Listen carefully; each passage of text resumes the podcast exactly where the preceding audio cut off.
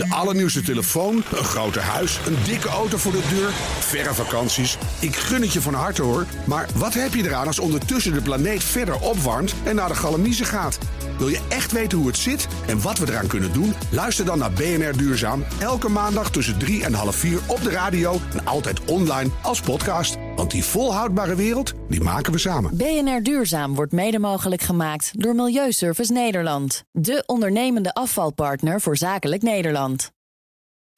BNR Beter wordt mede mogelijk gemaakt door AstraZeneca. Wij verleggen de grenzen van de wetenschap. Voor patiënten en samenleving. BNR Nieuwsradio. Beter. Harmke Pijpers. Na dik anderhalf jaar strijd tegen het coronavirus is de rekker wel uit bij het zorgpersoneel. Niet alleen in ziekenhuizen, maar ook in verpleeghuizen en thuiszorg stijgen ziekteverzuim en uitstroom. Een adempauze zit er voorlopig niet in, want de besmettings- en opnamecijfers nemen rap toe. Andere, ook belangrijke zorg wordt daardoor uitgesteld.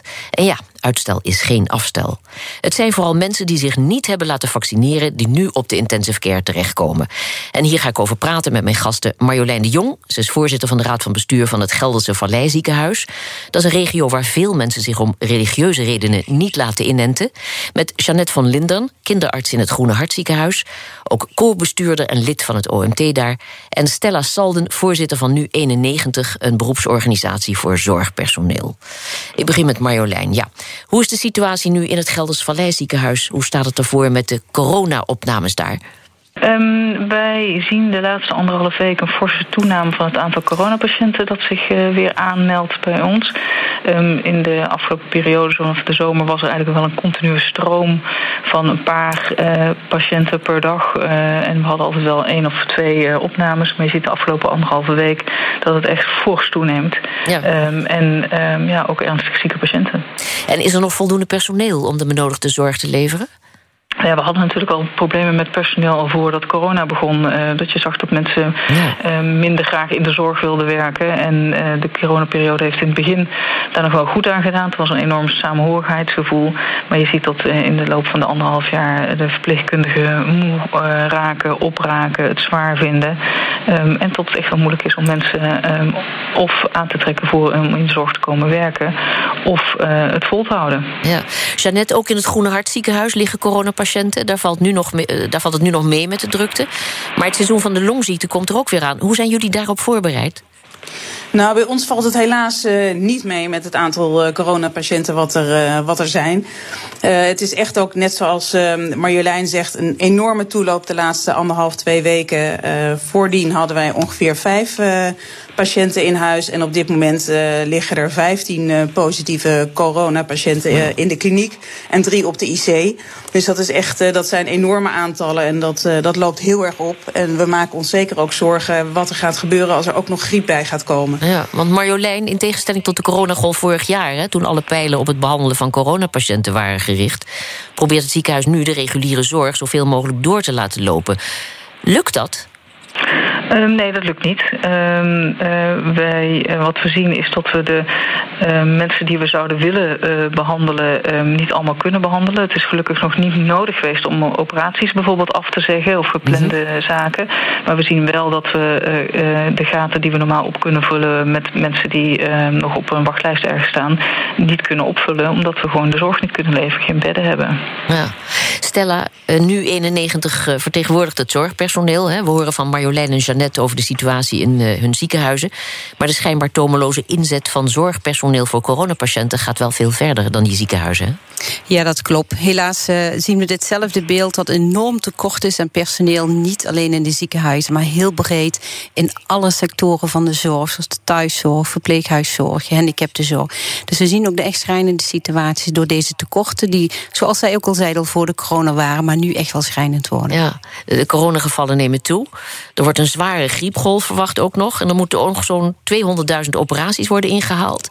Ja, de vraag lijkt oneindig en het einde is nog lang niet in zicht. Wat, wat, is er nodig om te zorgen dat zorgpersoneel dit blijft volhouden? Ja, dit houden ze natuurlijk niet meer vol. Ik denk dat die signalen wel meer dan duidelijk zijn. En dat we ook elke verzorgende verpleegkundige op dit moment moeten zien vast te houden voor de zorg. En hen goed moeten ontlasten. Bijvoorbeeld met minder regelgeving. We zagen ook in de coronatijd die samenhorigheid, dat we er samen staan. Geef ze het vertrouwen. Haal die regelgeving, die lasten gewoon vanaf dat ze alle zorg zoveel mogelijk aan patiënten kunnen geven. En ontlasten met allerlei voorzieningen zodat ze ook die zorg kunnen blijven geven naar de toekomst. Ja. Jeannette, herken je de situatie die Stella schetst? Ja, ik herken hem uh, zeker. Ook uh, bij ons, gelukkig hebben we. Misschien een iets minder uh, verloop dan uh, in andere ziekenhuizen. Maar ja, wij hebben ook zeker uh, mensen die, die ziek thuis zitten. Die overbelast zijn geraakt in de afgelopen anderhalf jaar. Bovenop de drukte en de krapte die er al was voor die tijd. Dus dat is iets wat ik, wat ik zeker herken. En ja, ik hoop enorm dat we de piek toch een beetje kunnen afvlakken die nu dreigt. En dat die niet weer zulke enorme hoogtes gaat aannemen als in het voorjaar. Want ik denk dat we dat niet aan kunnen. Wat, wat doen jullie, wat denken jullie te kunnen doen om het zorgpersoneel nog gemotiveerd te houden? Ja, dat is heel erg lastig. Uh, in ieder geval een uh, goed open oor hebben voor, uh, voor iedereen. Vooral luisteren naar wat er gezegd wordt op de werkvloer. En wij hebben ook echte opvangteams en steunteams voor het personeel ingericht al in de vorige golf. Die, die nog steeds bereid zijn er te zijn. Niet meer dagelijks na iedere dienst standaard opvang. Maar die zijn nog steeds oproepbaar. En als het drukker gaat worden, dan gaan die ook zeker weer vast ingezet worden. Om te kunnen spuien om je verhaal kwijt te kunnen. Om net even dat extra schouderklopje te geven waar, uh, ja, waar in de hectiek van de dienst zelf weinig tijd voor is. Ja. En we zijn ook heel erg uh, druk bezig ook met uh, de ROAS bij ons in de regio. En ik hoop dat binnenkort het landelijk schakelpunt ook weer goed functioneert om echte patiënten ook te spreiden. Om te zorgen dat de druk gelijk verdeeld wordt over het land. Ja.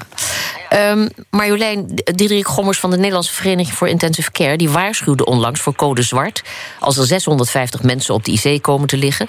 Volgens hem is de eruit, kunnen intensive care afdelingen niet meer opschalen. Komt er een moment dat jullie nee moeten gaan verkopen? Nou ja, code zwart en nee verkopen op dit moment is wel een groot verschil. Code -hmm. zwart is natuurlijk het moment waarop we als in totaal Nederland de zorg niet meer aan kunnen. En we echt keuzes moeten gaan maken um, wie we wel en niet gaan helpen. Nou, die situatie, daar zijn we echt nu uh, helemaal nog niet uh, in de buurt. Um, uh, want dat betekent ook dat je alle andere zorg buiten de COVID-zorg af gaat schalen. Um, en ook stopzet, net zoals we in de eerste golf hebben gedaan. Dus ja, ik vind echt dat daar hebben we het nu nog helemaal niet over. Maar nee verkopen. Ja, dat gebeurt nu wel natuurlijk al aan de, uh, aan de deur. Uh, zorg die niet per se hoeft. Uh, um, um, en het voorbeeld is ook al vaker genoemd. Bijvoorbeeld mensen die zware operaties moeten hebben... waarna een IC-plek um, nodig is. En al is het maar voor één of twee dagen. die die IC-plekken zijn nu ingenomen door COVID-patiënten... in sommige ziekenhuizen. En dat betekent ook dat we tegen die mensen die op zo'n operatie zitten wachten... wel nee moeten verkopen op dit moment. Ja. Stella, hoe kijk jij er tegenaan? Ja, dat is natuurlijk heel frustrerend. Vooral ook voor de verpleegkundigen die die boodschap dan moeten geven. Dat is ook voor hen heel frustrerend. Maar laten we wel niet vergeten, dat is niet alleen het IC-bed... maar ook al die zorg die ook in die andere sectoren... een ouderen en thuiszorg niet gegeven kan worden... doordat nu die coronabesmettingen weer oplopen en ook die opnames. Ja, dat is wel schrijnend. Maar laten we ook niet vergeten dat we dit probleem niet zomaar even hebben opgelost. Want het is natuurlijk al een langdurig probleem van die enorme tekorten. Dus daar zal toch structureel echt wel uh, op ingezet moeten worden. Ja, gaan we straks over verder. Want Jeannette, aan het begin van de week waren zo'n 170 van de 950 IC-bedden in Nederland bezet door coronapatiënten. Van wie grofweg 80% niet is gevaccineerd.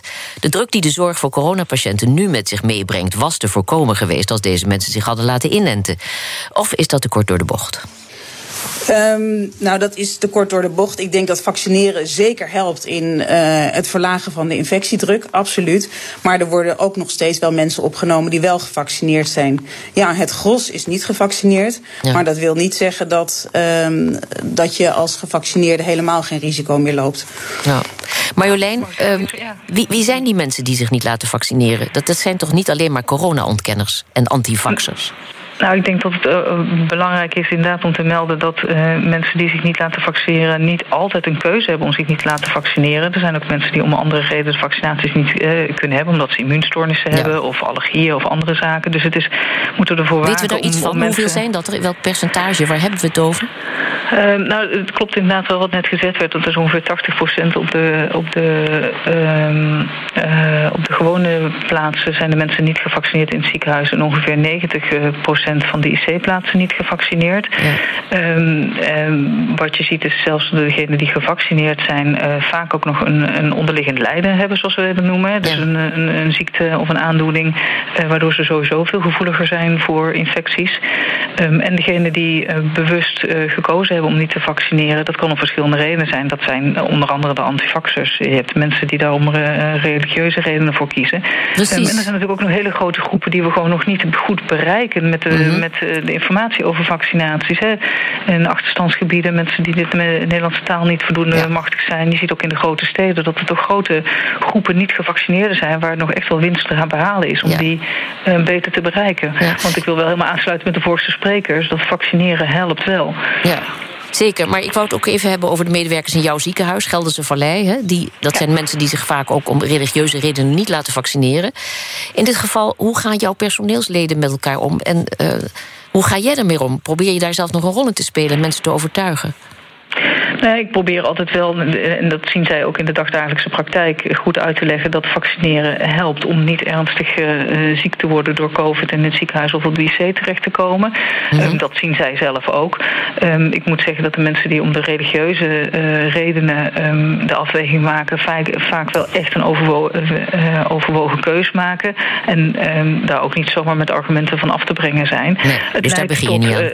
Nou, daar begin ik niet aan. Ik probeer toch altijd wel de medemenselijkheid daarop. Uh, doe het dan niet voor jezelf, doe het dan in ieder geval voor de mensen in je omgeving. Ja, er zijn een hoop uh, begrippen aan te voeren die daar misschien uh, bij ja, helpen. Dus je hoopt, hoopt dat er misschien toch nog ergens een ruimte is waardoor iemand zich laat vaccineren. Maar we respecteren ook de keuze dat ze dat mm -hmm. niet doen.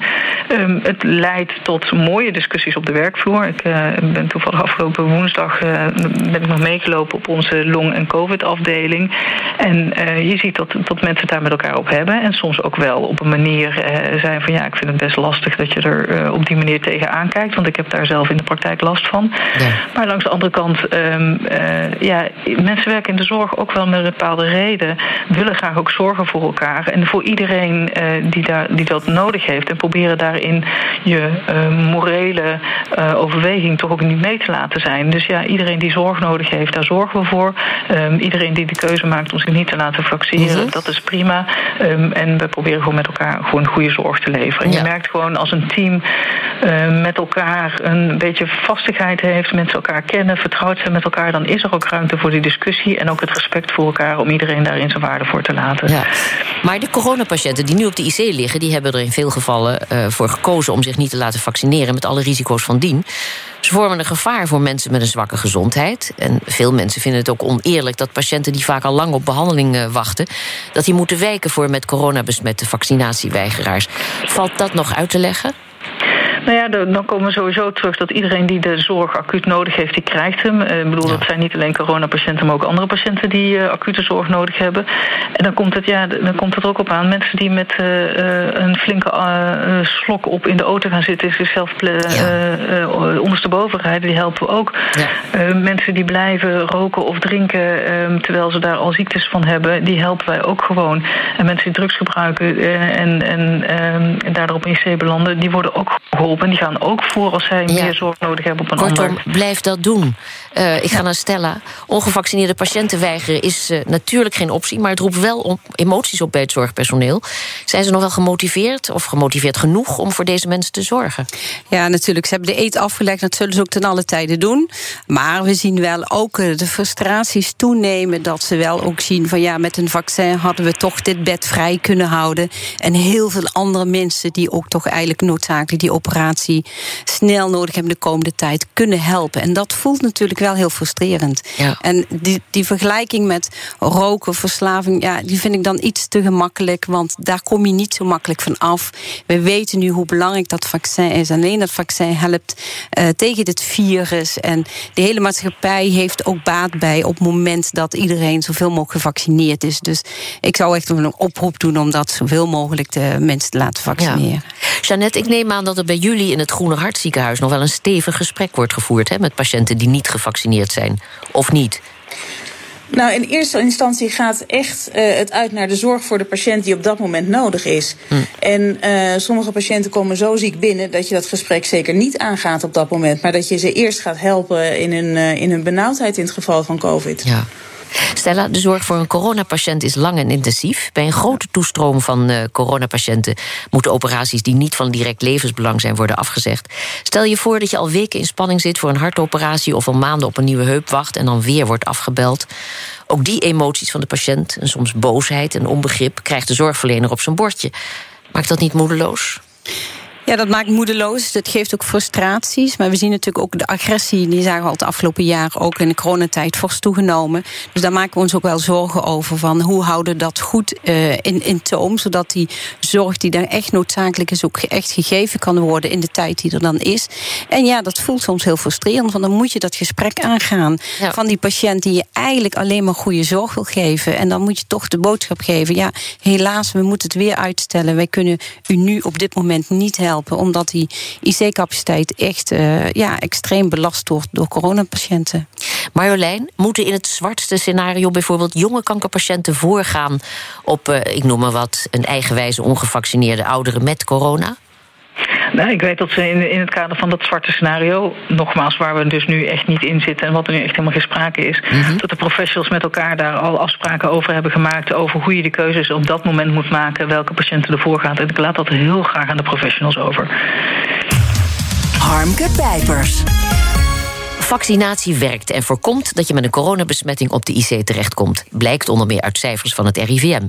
Van de patiënten op de intensive care vorige maand waren vier van de vijf niet ingeënt. Maar toch is één op de zeven volwassen Nederlanders nog altijd niet gevaccineerd. En dan hebben we het over een miljoen mensen. Ja, Jeannette, wat vind je van deze aantallen? Die zijn uh, ja, duidelijk. En, en ik denk dat het heel duidelijk is dat vaccineren absoluut beschermt tegen ziekenhuisopname en zeker tegen IC-opname. Uh, al is het niet 100% zoals we net ook al uh, gezegd hebben en wat Marjolein ook zei. Er zijn natuurlijk altijd mensen die zich ook niet kunnen laten inenten. Of die onvoldoende zijn voorgelicht. Ja. Of uh, nou, andere redenen hebben om niet ingeënt te zijn. En ik denk dat hierin echt nog een enorme winst te behalen is met behulp van voorlichting. Ja, maar de overheid heeft grote campagnes gevoerd, persconferenties gegeven kennelijk toch niet genoeg om iedereen te overtuigen van de noodzaak om zich te laten vaccineren. Heeft de overheid het niet goed aangepakt? Heeft ze steken laten vallen? Ik denk dat er meer gedaan had kunnen worden dan alleen de, de landelijke campagnes. Dat er, dat er ook heel goed gekeken uh, moet worden en nu ook gebeurt. Echt op regionaal niveau en op wijkniveau zelfs. Uh, om, om te kijken wat je daar kan doen om de mensen beter te bereiken. Marjolein, iedereen verwacht dat de zorg altijd maar doorgaat. Hè? Maar we zien mensen weer uitgebreid feesten. Grote hoeveelheden publiek in stadions zonder mondkapjes. Ja, mag je verwachten dat burgers zich laten inenten of bepaalde dingen laten om verspreiding van het virus te voorkomen? Um, ik vind dat we dat mogen verwachten ja. van mensen om te doen. Maar ik vind niet dat we het kunnen verplichten. Omdat ik wel vind dat iedereen daar persoonlijk zijn eigen afweging in mag maken. Um, maar ik hoop wel dat ze die afweging maken op basis van goede informatie en een, en een weloverwogen keuze. Ja, maar ik vrees dat ze uit zichzelf uh, in veel gevallen dat besluit niet nemen. Ik vind niet dat we dat uh, kunnen verplichten. Iedereen heeft zijn eigen vrije keuze daarin. We leven in een vrij land. Um, waarbij uh, die keuzevrijheid voor iedereen van belang is. Ja. Stella, opschalen, opschalen, dat was vorig jaar het motto. Hè, toen er maar coronapatiënten bleven toestromen. Maar dit jaar is de rek onder het zorgpersoneel er wel uit. Waarschuwen de leden van het Outbreak Management Team. Maar toch zijn scholen en universiteiten weer open. Er zijn allerlei coronamaatregelen weer teruggedraaid. Het lijkt wel of de overheid, maar ook de maatschappij... van twee walletjes wil eten. Wat vindt u daarvan? Ja, dat klopt. Want ik hoor net inderdaad wel, ja, uh, mag je dat verwachten? We verwachten wel allemaal op elk moment de zorg als we die nodig hebben. Ja. Ook dat willen we graag blijven leveren. En we lopen nu toch echt tegen de grenzen aan van de capaciteit in de zorg. En dat heeft echt te maken met die personeelstekorten van de zorg en verpleegkundigen. En dan is het ook belangrijk dat we ons maatschappelijk ook zorgen dat we die zorg, die echt heel belangrijk is voor iedereen, overeind houden. En daar heeft iedereen een maatschappelijke verantwoordelijkheid En dat pleit er ook voor dat we die laatste miljoen mensen toch echt moeten kijken hoe die kunnen bereiken voor die vaccinatie. Ja. Stella, er moet veel meer opgeleid zorgpersoneel komen om de hoge druk in de zorg, die er ook al voor de coronapandemie was, om die op te lossen. De overheid kan er een flinke smak geld tegenaan gooien als het volgende kabinet dat al gaat doen. Maar dat lost de problemen op korte termijn niet op. Wat wel? Nee, op korte termijn niet. Maar ik denk wel dat het op lange termijn nodig is. We hebben de afgelopen jaren fors bezuinigd in die zorg. Dus dat zul je toch wel weer echt wel weer eerst moeten rechtzetten. En op korte termijn moeten we echt zorgen. En nu het probleem rondom uh, de coronabesmettingen en die hoge vaccinatiegraad. Zorg dat het personeel gefaciliteerd wordt. En dat ze, net als in de coronatijd, weer zelf over hun vak, over hun werk mogen uh, zeggen wat daar moet gebeuren. En luister ook naar hen. Want zij weten vaak wel wat dan de, de best praktische oplossingen zijn. om die zorg goed te kunnen blijven verlenen. En faciliteer ze dan kinderopvang. Ik denk aan uh, parkeergelegenheid, makkelijk parkeren, dicht bij het werk. Maar ik denk ook een hele praktische zaken. Help ze met de juiste woningen. En ontlassen met extra handen en de zorg.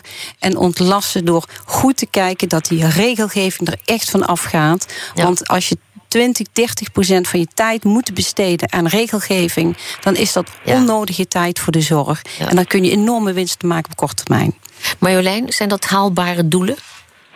Um, ik denk dat er heel terecht wordt gezegd dat we goed moeten luisteren naar ons personeel, wat ze nodig hebben om, om het vol te kunnen houden en uh, te faciliteren waarin we daar mogelijk in zijn, om, om dat te kunnen, um, te kunnen bewerkstelligen. En dus ik denk inderdaad, het luisteren, daar begint het zeker mee. En uh, nou ja, wat ik eerder al zei, hè, dat, dat heeft een goede werksfeer, is daarvoor belangrijk. Een vertrouwd team, uh, enige vastigheid en duidelijkheid, um, een regelmatige rooster. nou, ik kan er zo'n aantal dingen noemen waar wij ons personeel heel erg zouden kunnen helpen. Um, en helaas is niet alles zo te bewerkstelligen, maar we, het, eh, we zijn er zeker hard mee bezig. Ja. En tot slot, Jeannette, zijn dat haalbare doelen? Nou, ik denk dat een deel van de doelen uh, zeker haalbaar is. Maar het is inderdaad uh, wat Marjolein en Stella allebei zeggen. Luister alsjeblieft naar de mensen op de werkvloer. Die weten het best waar ze behoefte aan hebben. En die weten wat ze willen. En wat ze nodig hebben om uh, fit te blijven en ook plezier te houden in het hele mooie vak wat ze hebben. Tot slot heel hartelijk dank Stella Salden, Marjolein de Jong en Jeannette van Lindern. En voor meer informatie kijk op www.bnr.nl/beter. En tot zover deze uitzending van BNR Beter. Op bnr.nl/slash beter is deze uitzending terug te luisteren of on demand via de BNR-app en op uw favoriete podcast. We zijn ook op Twitter te vinden onder BNR Beter. Dus heeft u tips voor ons, laat het ons weten. Ik ben Harmke Pijpers. Graag tot een volgend spreekuur. BNR Beter wordt mede mogelijk gemaakt door AstraZeneca. Wij verleggen de grenzen van de wetenschap voor patiënten en samenleving. De allernieuwste telefoon, een grote huis, een dikke auto voor de deur, verre vakanties. Ik gun het je van harte hoor. Maar wat heb je eraan als ondertussen de planeet verder opwarmt en naar de galamiezen gaat? Wil je echt weten hoe het zit en wat we eraan kunnen doen? Luister dan naar BNR Duurzaam. Elke maandag tussen 3 en half 4 op de radio en altijd online als podcast. Want die volhoudbare wereld, die maken we samen. BNR Duurzaam wordt mede mogelijk gemaakt door Milieuservice Nederland. De ondernemende afvalpartner voor zakelijk Nederland.